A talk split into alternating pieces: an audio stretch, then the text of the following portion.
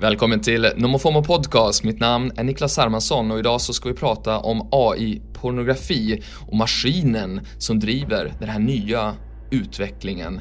Den här marknaden för deepfakes och annan AI-genererad pornografi, den har exploderat på kort tid.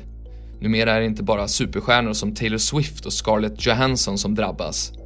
Nu visar statistiken att allt fler klär av sin granne och klasskompisen och kollegan med hjälp av nya digitala verktyg.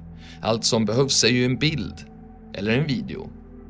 Samtidigt som den här utvecklingen även kan resultera i att allt färre människor, alltså levande människor, fastnar i porrbranschens käftar. Den här veckan har jag gästat Aftonbladet Daily som ju är en av Sveriges största nyhetspoddar. Den sänds måndag till fredag, missa inte det. Jag träffade Ellen Lundström och vi pratade om en hel del, men hur funkar egentligen de här nya AI-plattformarna med pornografi? Där man skapar och sprider vidare innehållet. Hur funkar hela det ekosystemet egentligen? Och hur funkar den här maskinen? Vilka är det som ligger bakom? Det är många aktörer och vilka är det som blir drabbade? Och hur ser man egentligen skillnaden på vad som är fake och inte? Och vad säger lagen? Vilka är de största riskerna med den här utvecklingen? Och kommer AI-porren att konkurrera ut annan pornografi? Tack för att du lyssnar. Vi ses eller hörs snart igen.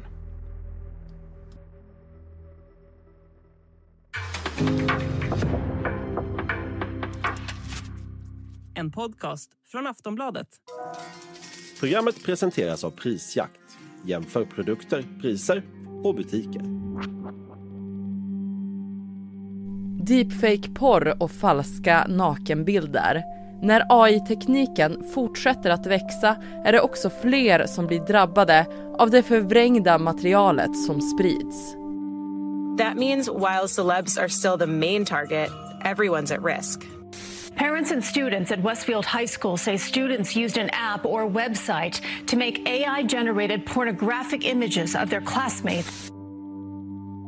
Ja, den artificiella intelligensen utvecklas hela tiden och orosmolnen som kopplas till tekniken följer tätt inpå. Inte minst när det gäller de manipulerade bilderna som porrindustrin använder sig av. För det har aldrig varit så många fejkade bilder och videos med pornografiskt innehåll som i år enligt Washington Post. Bildverktygen har blivit mer och mer tillgängliga. Med ett klick kan användare till exempel klä av människor som har fotograferats påklädda och göra beställningar på specifika personer som sen ska dyka upp nakna på skärmen helt utan deras samtycke. Det kan vara bilder på politiker och kändisar men också på helt vanliga människor. Ja, egentligen vem som helst. Gabi Bell, en 26-årig influencer, är en av de drabbade. Hon fick veta att det fanns nära 100 falska bilder på henne som hade cirkulerat omkring på nätet. Och den AI-genererade porren bara fortsätter att sprida sig snabbt som en löpeld och listan över antal offer som utsätts ökar. Så hur fungerar tekniken bakom den fejkade porren och vad görs för att reglera den? Det ska vi prata om i det här avsnittet av Aftonbladet Daily. Jag heter Ellen Lundström. Gäst är Niklas Hermansson, chefredaktör på Nomo FOMO och AI-krönikör på Aftonbladet. Niklas, kan du berätta om hur de här plattformarna fungerar där användare kan skapa egen pornografi genom AI?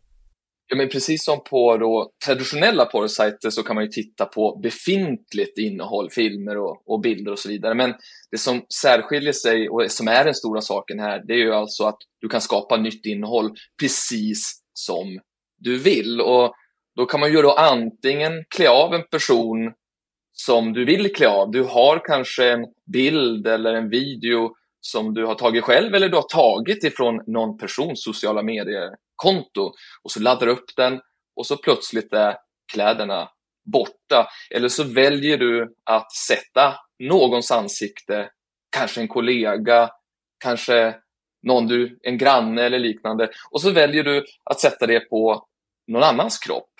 Och man behöver inte kunna det här utan det görs ju automatiskt. Och det som har kommit på alldeles här på slutet då, det är ju alltså att man kan be andra användare att skapa sånt här innehåll för att det ska bli så bra som möjligt.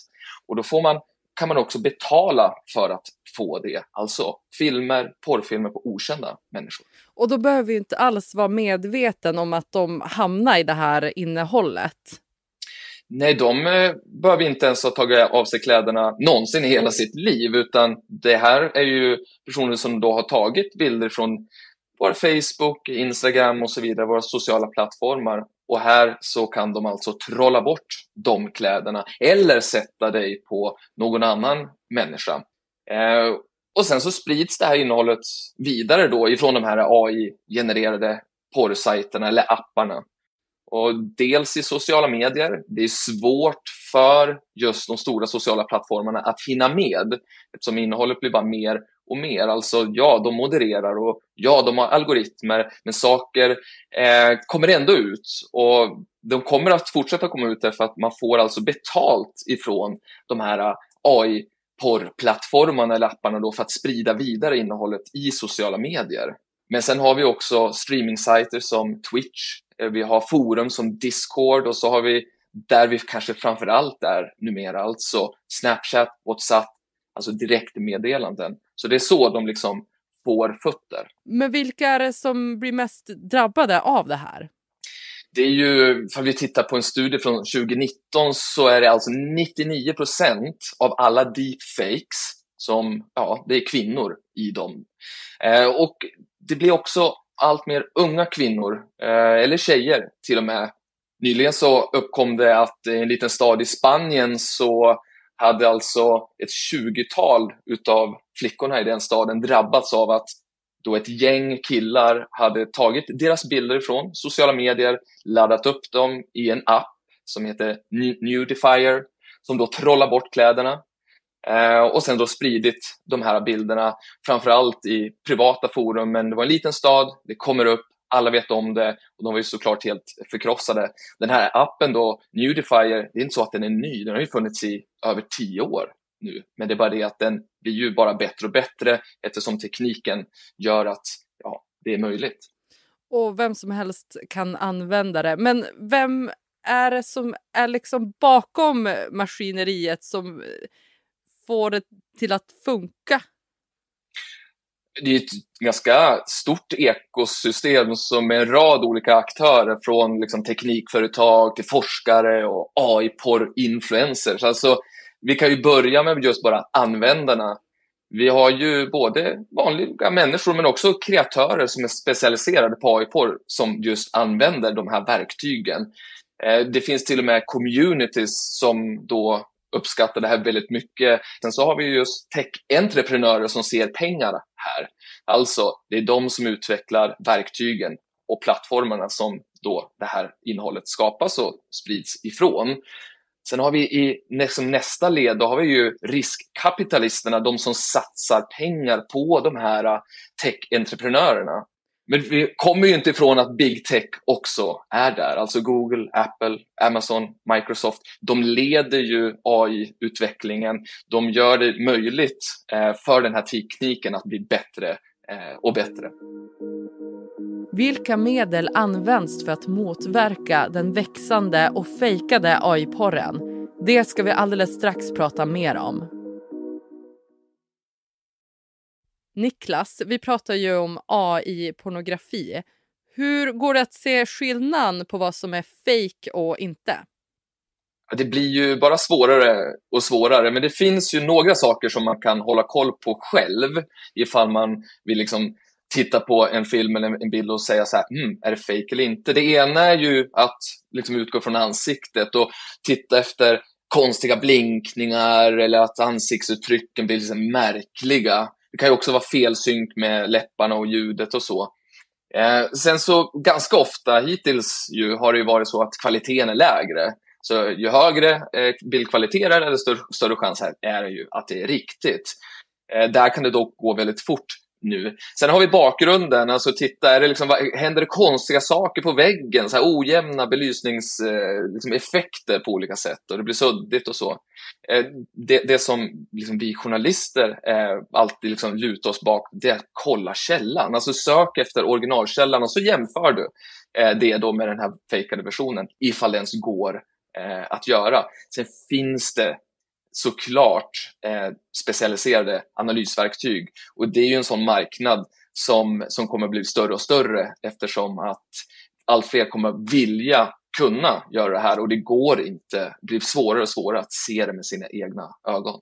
För det kan vara väldigt realistiskt. Det kan vara väldigt realistiskt och det, det som har kommit som tidigare, det var ju som, förut var det mer glitches, alltså att du kunde liksom se att där var det ju någonting konstigt, det blev väldigt tydligt ibland. Eh, det blir det mindre och mindre utav samtidigt som också att du tar till det här med att ljudet, alltså rösten, kan du också eh, helt enkelt få med. Så ja, nu är det väldigt svårt. Och vad görs för att stoppa den här tekniken så att inte vem som helst kan bli ansiktet utåt för den här marknaden? Men det finns ju egentligen en rad olika krig, om man kan säga så, som vi behöver vinna för att det inte ska spåra ur. Och det är många aktörer som bidrar på, på olika sätt här. Vi har ju dels politikerna som har fullt upp med lagstiftning och reglering. När vi pratar nu så har Joe Biden i USA precis lagt ut hundra sidor ungefär med hans tankar och idéer om hur vi ska, kanske inte just kring AI-porr, men rent generellt kring generativ AI och AI-revolutionen. Och det återstår ju att se vad, vad som blir av det. Men det här sker ju i flera länder och att man har börjat införa straff för spridning av AI-porr. Så vi har politikerna, men vi har också plattformarna som Google till exempel och de kämpar ju på med sina regler och algoritmer och mänsklig moderering. Men det har vi ju sett historiskt att det har inte gett eh, det finns mycket kvar att göra och önska där. Och sen så har vi journalistiken, det du och jag gör just nu, alltså informera och förklara. Det måste vi fortsätta med. Och skolorna som har källkritik i läroplanen. Um, och så har vi forskarna som bidrar på sitt sätt genom att utveckla verktyg för att identifiera sånt här innehåll samtidigt som vi också hela tiden då får nya verktyg som gör det lättare att skapa sånt här innehåll. Vad säger lagen om den här fejkade pornografin som sprids? Det här fenomenet med AI-porr har ju exploderat på kort tid och funnits under flera år, men det har inte varit alls lika bra och inte lika utbrett. Och nu när det går så fort så är det i princip omöjligt för juridiken och lagarna att hänga med här. Men det finns några saker man kan liksom titta på eh, vad som egentligen som kan fälla en sån här film eller bild och så vidare. Det första är ju upphovsrättsbrottet som kan vara möjligt. Alltså har man använt en bild utan tillstånd. Sen har vi integriteten såklart. Alltså är det ett intrång i, eh, i liksom den personens privatliv och integritet när man använder någonting utan att ge godkännande. Och sen är det också just det här med att ärekränkningen. Alltså sprids det här innehållet för att skada personens rykte, ja då kan det bli förtal eller, eller ärekränkning då i Sverige. Det som ju ska bli intressant att se, det är ju just, kan det här bli också ett sexualbrott? Alltså, är det så att man kan dömas för det? Vi har ju då den här svenska 40-årige mannen som då eh, dömdes i somras för, för, för försök till barnpornografibrott och det är ju kanske främst där som vi kommer få se eh, den typen av domar. Och med den här eh, pornografin som skapas genom AI så har det bland annat talats om att det kan bli ökade fall av bedrägerier och utpressningar. Vad skulle du säga är den största risken med det här? Ja, alltså just när det kommer till utpressningarna så är det ju, det har ju blivit en, en ganska stor sak, alltså att man hotar med att sprida det här och så kräver man pengar tillbaka. Och det är ju många som betalar. Alltså, det här kan ju förstöra karriärer, det kan förstöra relationer och dessutom de som har drabbats, de vittnar ju om att det här eh, kan bli otroligt djupt traumatiskt. Eh, sen finns det ju andra risker med det här, alltså den här AI-porren normaliserar ju, eller riskerar att göra det åtminstone, sexuellt utnyttjande och övergrepp. Alltså ifall vi skapar sånt här innehåll utan godkännande ja, då har vi börjat normalisera det även i den digitala världen och så har vi förtroendekrisen. Alltså vi konsumenter litar allt mindre på digitalt innehåll och det har vi ju sett till och med i kriget mellan Israel och Hamas. Alltså, vi vet inte längre vad som är sant och inte och det i sig är en stor risk. Och hur mycket växer den här marknaden? Kan den liksom slå ut annan vanlig pornografi? Inte de närmsta åren. Idag är tre av världens 15 största sajter just porrsajter, alltså traditionella sådana. Sen så ska man komma ihåg att de flesta är ju såna här lurkare, alltså vi konsumerar men vi bidrar inte på internet. Vi skriver inte, vi laddar inte upp och så vidare, utan vi tar del av annat. Eh, och det är ju en ganska stor del av de här plattformarna, alltså att man ska skapa saker. Eh, så i dagsläget är det mer som ett komplement eh, för den som inte får det de vill ha på de traditionella sidorna. Eh, men den här marknaden kommer ju att fortsätta växa. Eh, några siffror finns, till exempel att den här trafiken på de här AI-porrplattformarna eller apparna, de har ökat med 290 procent sedan 2018 och det produceras också mycket mer. Eh, det finns en undersökning som visar att det har laddats upp fler AI-genererade porrklipp i år än det gjordes mellan 2016 och 2022, alltså sex år. Eh, en annan fascinerande siffra är att 96 procent av alla deepfakes är pornografi idag. Eh, så när vi tittar framåt så kommer innehållet att bli mer realistiskt. Det kommer att vara fler verktyg och plattformar, vilket gör att det når en bredare publik. Det når en publik som hittar ett nischat innehåll. Det kan potentiellt också nå en publik som inte vill att det ska finnas mänskliga offer, utan ser det här som ett annat sätt eh, att konsumera pornografi, där det inte är då en riktig människa, för det måste ju inte vara innehåll som baseras på riktiga människor. Och Niklas, vad kan man göra om man har blivit utsatt för det här som vi nu har pratat om? Ja, det finns framförallt två saker som du kan göra. Först rapportera innehållet till den plattform där det sprids för att få det då borttaget och sen kontakta polisen. För att kom ihåg att, att sprida den här typen av innehåll utan godkännande, det anses vara ett intrång i personens privatliv. Eller så kan det också klassas som förtal om det sprids för att skada ditt rykte. Det säger Niklas Hermansson, chefredaktör på NoMoFomo och Aftonbladets AI-krönikör. Mitt namn är Ellen Lundström och du har lyssnat på Aftonbladet Daily. Vi hörs snart igen.